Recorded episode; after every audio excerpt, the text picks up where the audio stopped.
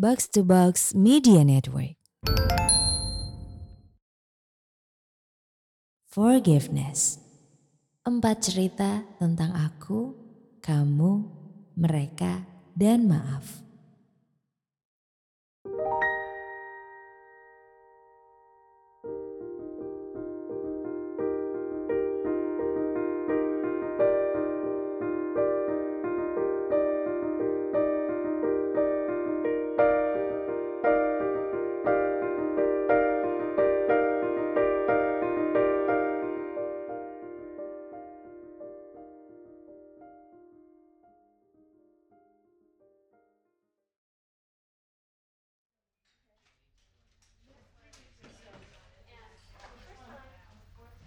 Geng, sorry nih, izin cabut duluan ya. Udah jam 9, besok ada nikahan pagi.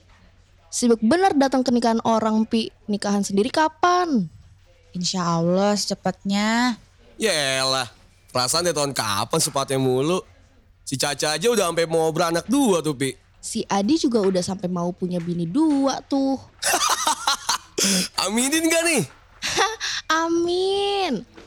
Pi beneran deh lo udah pacaran lima tahun gak kawin-kawin lo. Laki lu selingkuh gak tuh? Jangan-jangan udah ada bidinya lagi. Atau doyan laki kali si Adam ya? Emangnya nikah murah? Lah makanya, karena mahal duit lu tuh bukan cuma ditabung. Tapi mendingan diinvestasiin juga. Didemin doang dengan gaji segini mah. Yah, umur 40 deh kawinnya.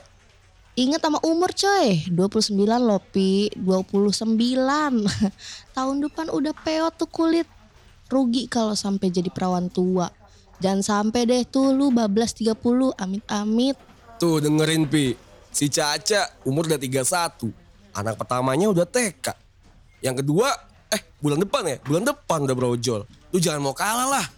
Kau butuh jampe-jampe, bilang sama gua. Iya, iya, iya. Balik duluan. Bye. Tanpa menunggu salamnya bersambut, Upi langsung bergegas pergi dengan hati yang begitu jengkel.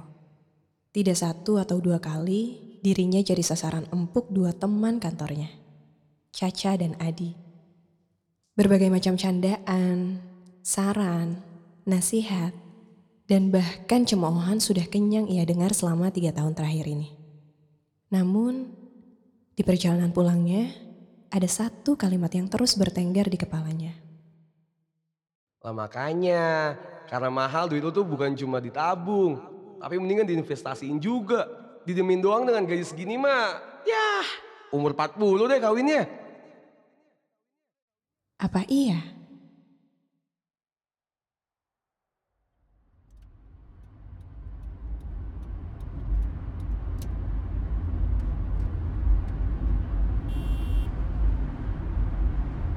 Dari tadi kamu diem mulu loh. Cemberut terus aku perhatiin. Kamu lagi ada apa? Gak tahu ya, masih sebel banget sama orang kantor. Komentarin aku terus perkara 29 dan belum nikah.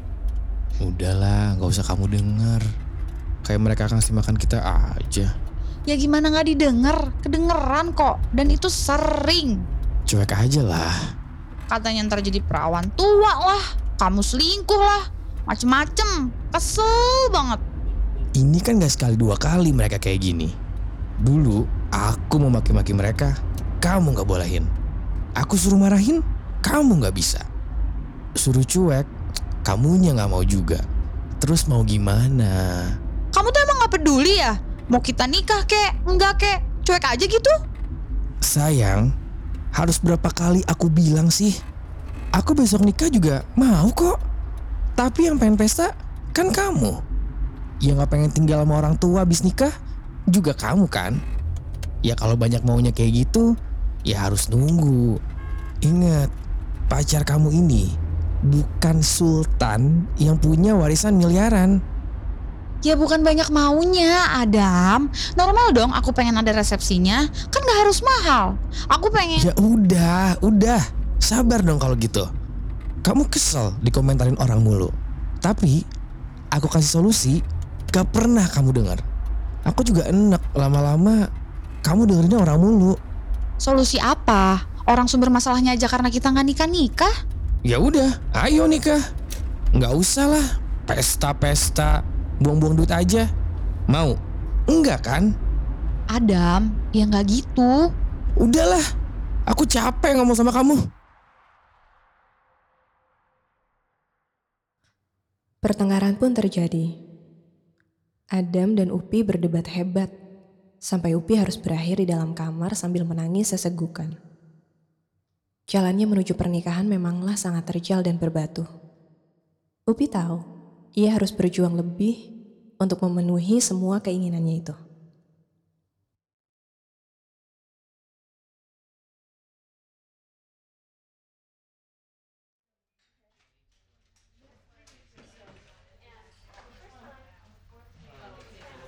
Senin pagi. Tidak seperti biasanya, Upi datang lebih cepat dan penuh dengan semangat. Sejak pukul 7.30, ada satu orang yang ia tunggu kedatangannya. Di, Bujet, kaget gue. Semangat banget lo. Tumben pagi-pagi dan nongol. mau nanya dong. Apaan sih? Soal investasi yang lo bilang waktu itu, apaan sih maksudnya? Kenapa? Tertarik? Ya lumayan sih, tapi pengen tahu dulu. Udah, sini taruh tabungan lu di gua aja. Dijamin tiap bulan udah pasif income. Tapi tiga bulan, duit lu udah bisa nambah dua kali lipat. Ah serius lo? Yeah, lu kira gue beli mobil duit dari mana? Upi terlihat berpikir. Ketertarikannya semakin bertambah. Namun, wajahnya penuh dengan pertimbangan. Hmm, terjamin gak tapi? Ntar kalau bodong gimana? Sistemnya gimana? Apaan sih bodong dari mana? Kan udah ada gua contohnya. Nih ya, soal sistem, lu tinggal taruh duit di gua. Tahun ini kawin, Pi. Jamin deh gua. Gagal jadi perawan tua. Taruhan sama gua sekarang. Setelah berpikir dengan raut wajah yang serius selama beberapa menit, Upi pun menyunggingkan senyum dan mengangguk mantap. Ya udah, gua coba deh. Gimana caranya?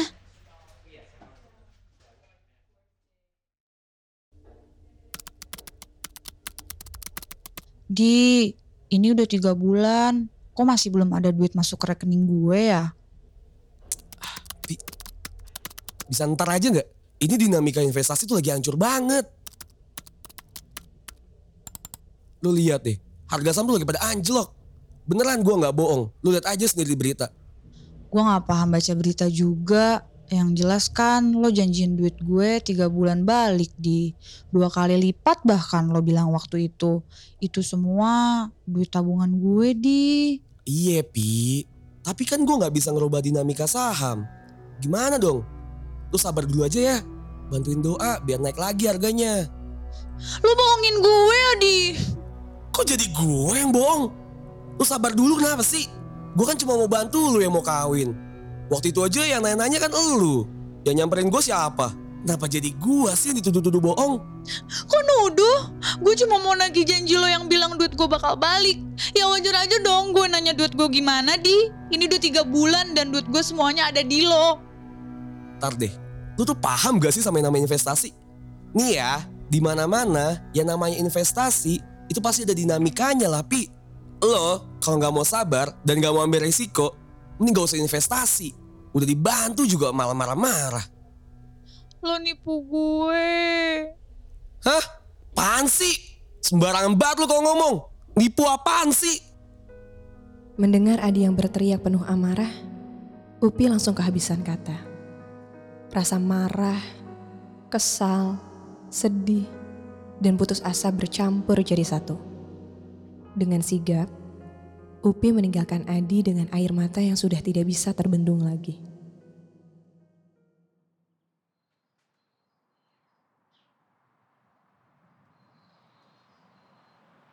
Adam, ayo kita nikah.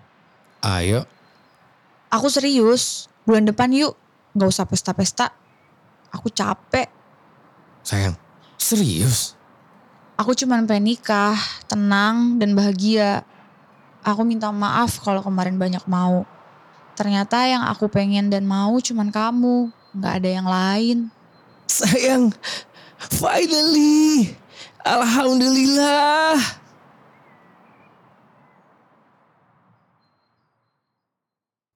Siang ini, Upi berjalan mendekati Adi dan Caca yang sedang makan siang bersama.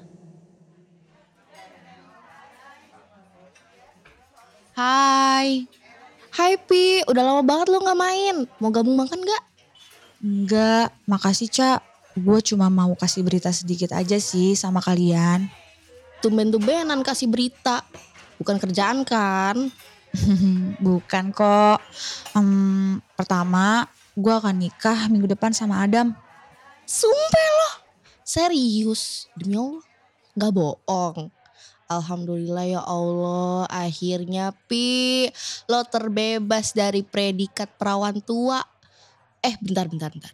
Tapi kok lo cepet amat tiba-tiba minggu depan. Bunting ya lo. Enggak kan? Enggak lah, Cak. Alhamdulillah. Diundang gak nih kita? Hmm, sorry, enggak. Hening. Caca terlihat terkejut dengan jawaban Upi sampai tak bisa menanggapi. Adi justru masih diam tak memberi tanggapan apa-apa. Namun kupingnya mendengarkan dengan seksama. Gue nikah cuma di KUA, Cak. Nggak ada pesta, nggak ada acara apa-apa. Cuma keluarga aja yang diundang. Maaf ya. Oh. Oke. Berita kedua adalah gue akan resign. Seriusan lu? Jangan gitu dong, bohong kan? Gak apa-apa, pengen cari pengalaman baru aja. Dan gue pengen cari lingkungan kerja yang nyaman. Karena gue gak akan ada lagi di sini. Gue sekalian mau minta maaf ya sama kalian kalau ada salah-salah selama ini.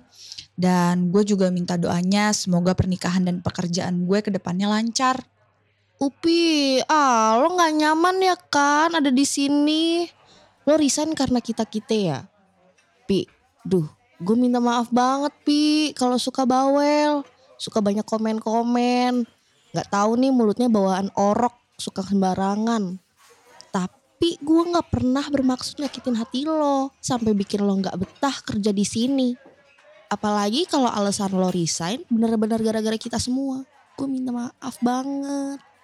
Upi tertawa kecil dan mengangguk tanda memaafkan semua celetukan Caca yang terkadang membuat Upi ingin melemparkan gelas ke wajahnya. Iya Ca, gak apa-apa, gue maafin kok. Jangan benci kita ya Pi, jangan sombong-sombong lu. Gue beneran minta maaf. Gue sedih deh lo akan resign secepat-cepatnya gini. Tapi gue happy sih lu mau nikah. Beneran deh swear. Iya, makasih banyak ya Ca. Sorry ganggu makan siang kalian. Gue naik lagi ya.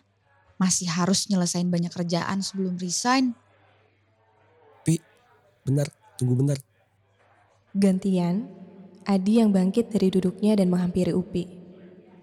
Sebelum bicara, Upi dapat menangkap wajah Adi yang penuh dengan rasa bersalah. Pi, denger lo mau nikah, gue bahagia banget deh. Thanks ya Di. eh jujur ya gue sedih banget. Dan kaget banget pas tahu lu mau resign. Kalau ternyata itu gara-gara gue dan duit waktu itu. Gue minta maaf banget ya Pi. Maaf banget udah ngerusakin kepercayaan dan pertemanan kita. Sorry banget. Soal investasi waktu itu, gue tuh juga sebenarnya ngikutin orang Pi. Jadi pas duitnya dibawa entah ke mana, gue juga jadi nggak tahu nih ngejelasinnya ke lu gimana. Gue juga, gue juga selama ini ngehindar gara-gara nggak enak sama lu. Dan gue tahu gue salah. Iya Di, udah gue maafin kok. Gue udah gak mau mikirin lagi Di. Semakin dipikirin dan seselin, cuman semakin bikin gue diem di tempat. Gue juga minta maaf waktu itu bikin Adam sampai ngamuk-ngamuk sama lo ya. Ya nggak apa-apa juga sih.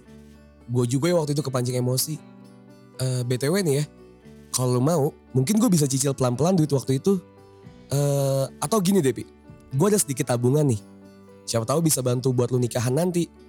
Itu juga kalau lu mau sih. Gimana Pi? Gak perlu Di, gak apa-apa. Gue cuman mau fokus aja sama apa yang gue punya sekarang. Apa yang udah lewat, bakal gue bawa sebagai pelajaran, bukan dendam atau apa pun. Gue juga udah berhenti mempertanyakan atau menyalahkan keadaan, apalagi nyalahin orang lain. Mungkin emang harus begini jalan gue buat menikah. Jadi lo gak perlu merasa bersalah lagi ya. Duh jangan gitu Pi. semakin lu baik, gue jadi gak enak. Lebay ah, udah ya, happy-happy aja. Gua doain kalian sukses terus di sini. Tapi sekali lagi gue minta maaf ya Pi. Dan ke depannya semoga lu bahagia terus. Selalu gue doain kok pasti. Ingat ya Pi, kita harus tetap temenan. Iya, insya Allah. Upi pun berjalan pergi. Meninggalkan Adi dan Caca yang mendadak diselimuti rasa sedih dan kehilangan. Dengan perasaan yang lapang dan tanpa ada satupun hal yang mengganjal, Upi akhirnya kembali tersenyum di kantornya. Hari ini pun ia sadar, jika memaafkan, ternyata membawa langkahnya menjadi lebih ringan.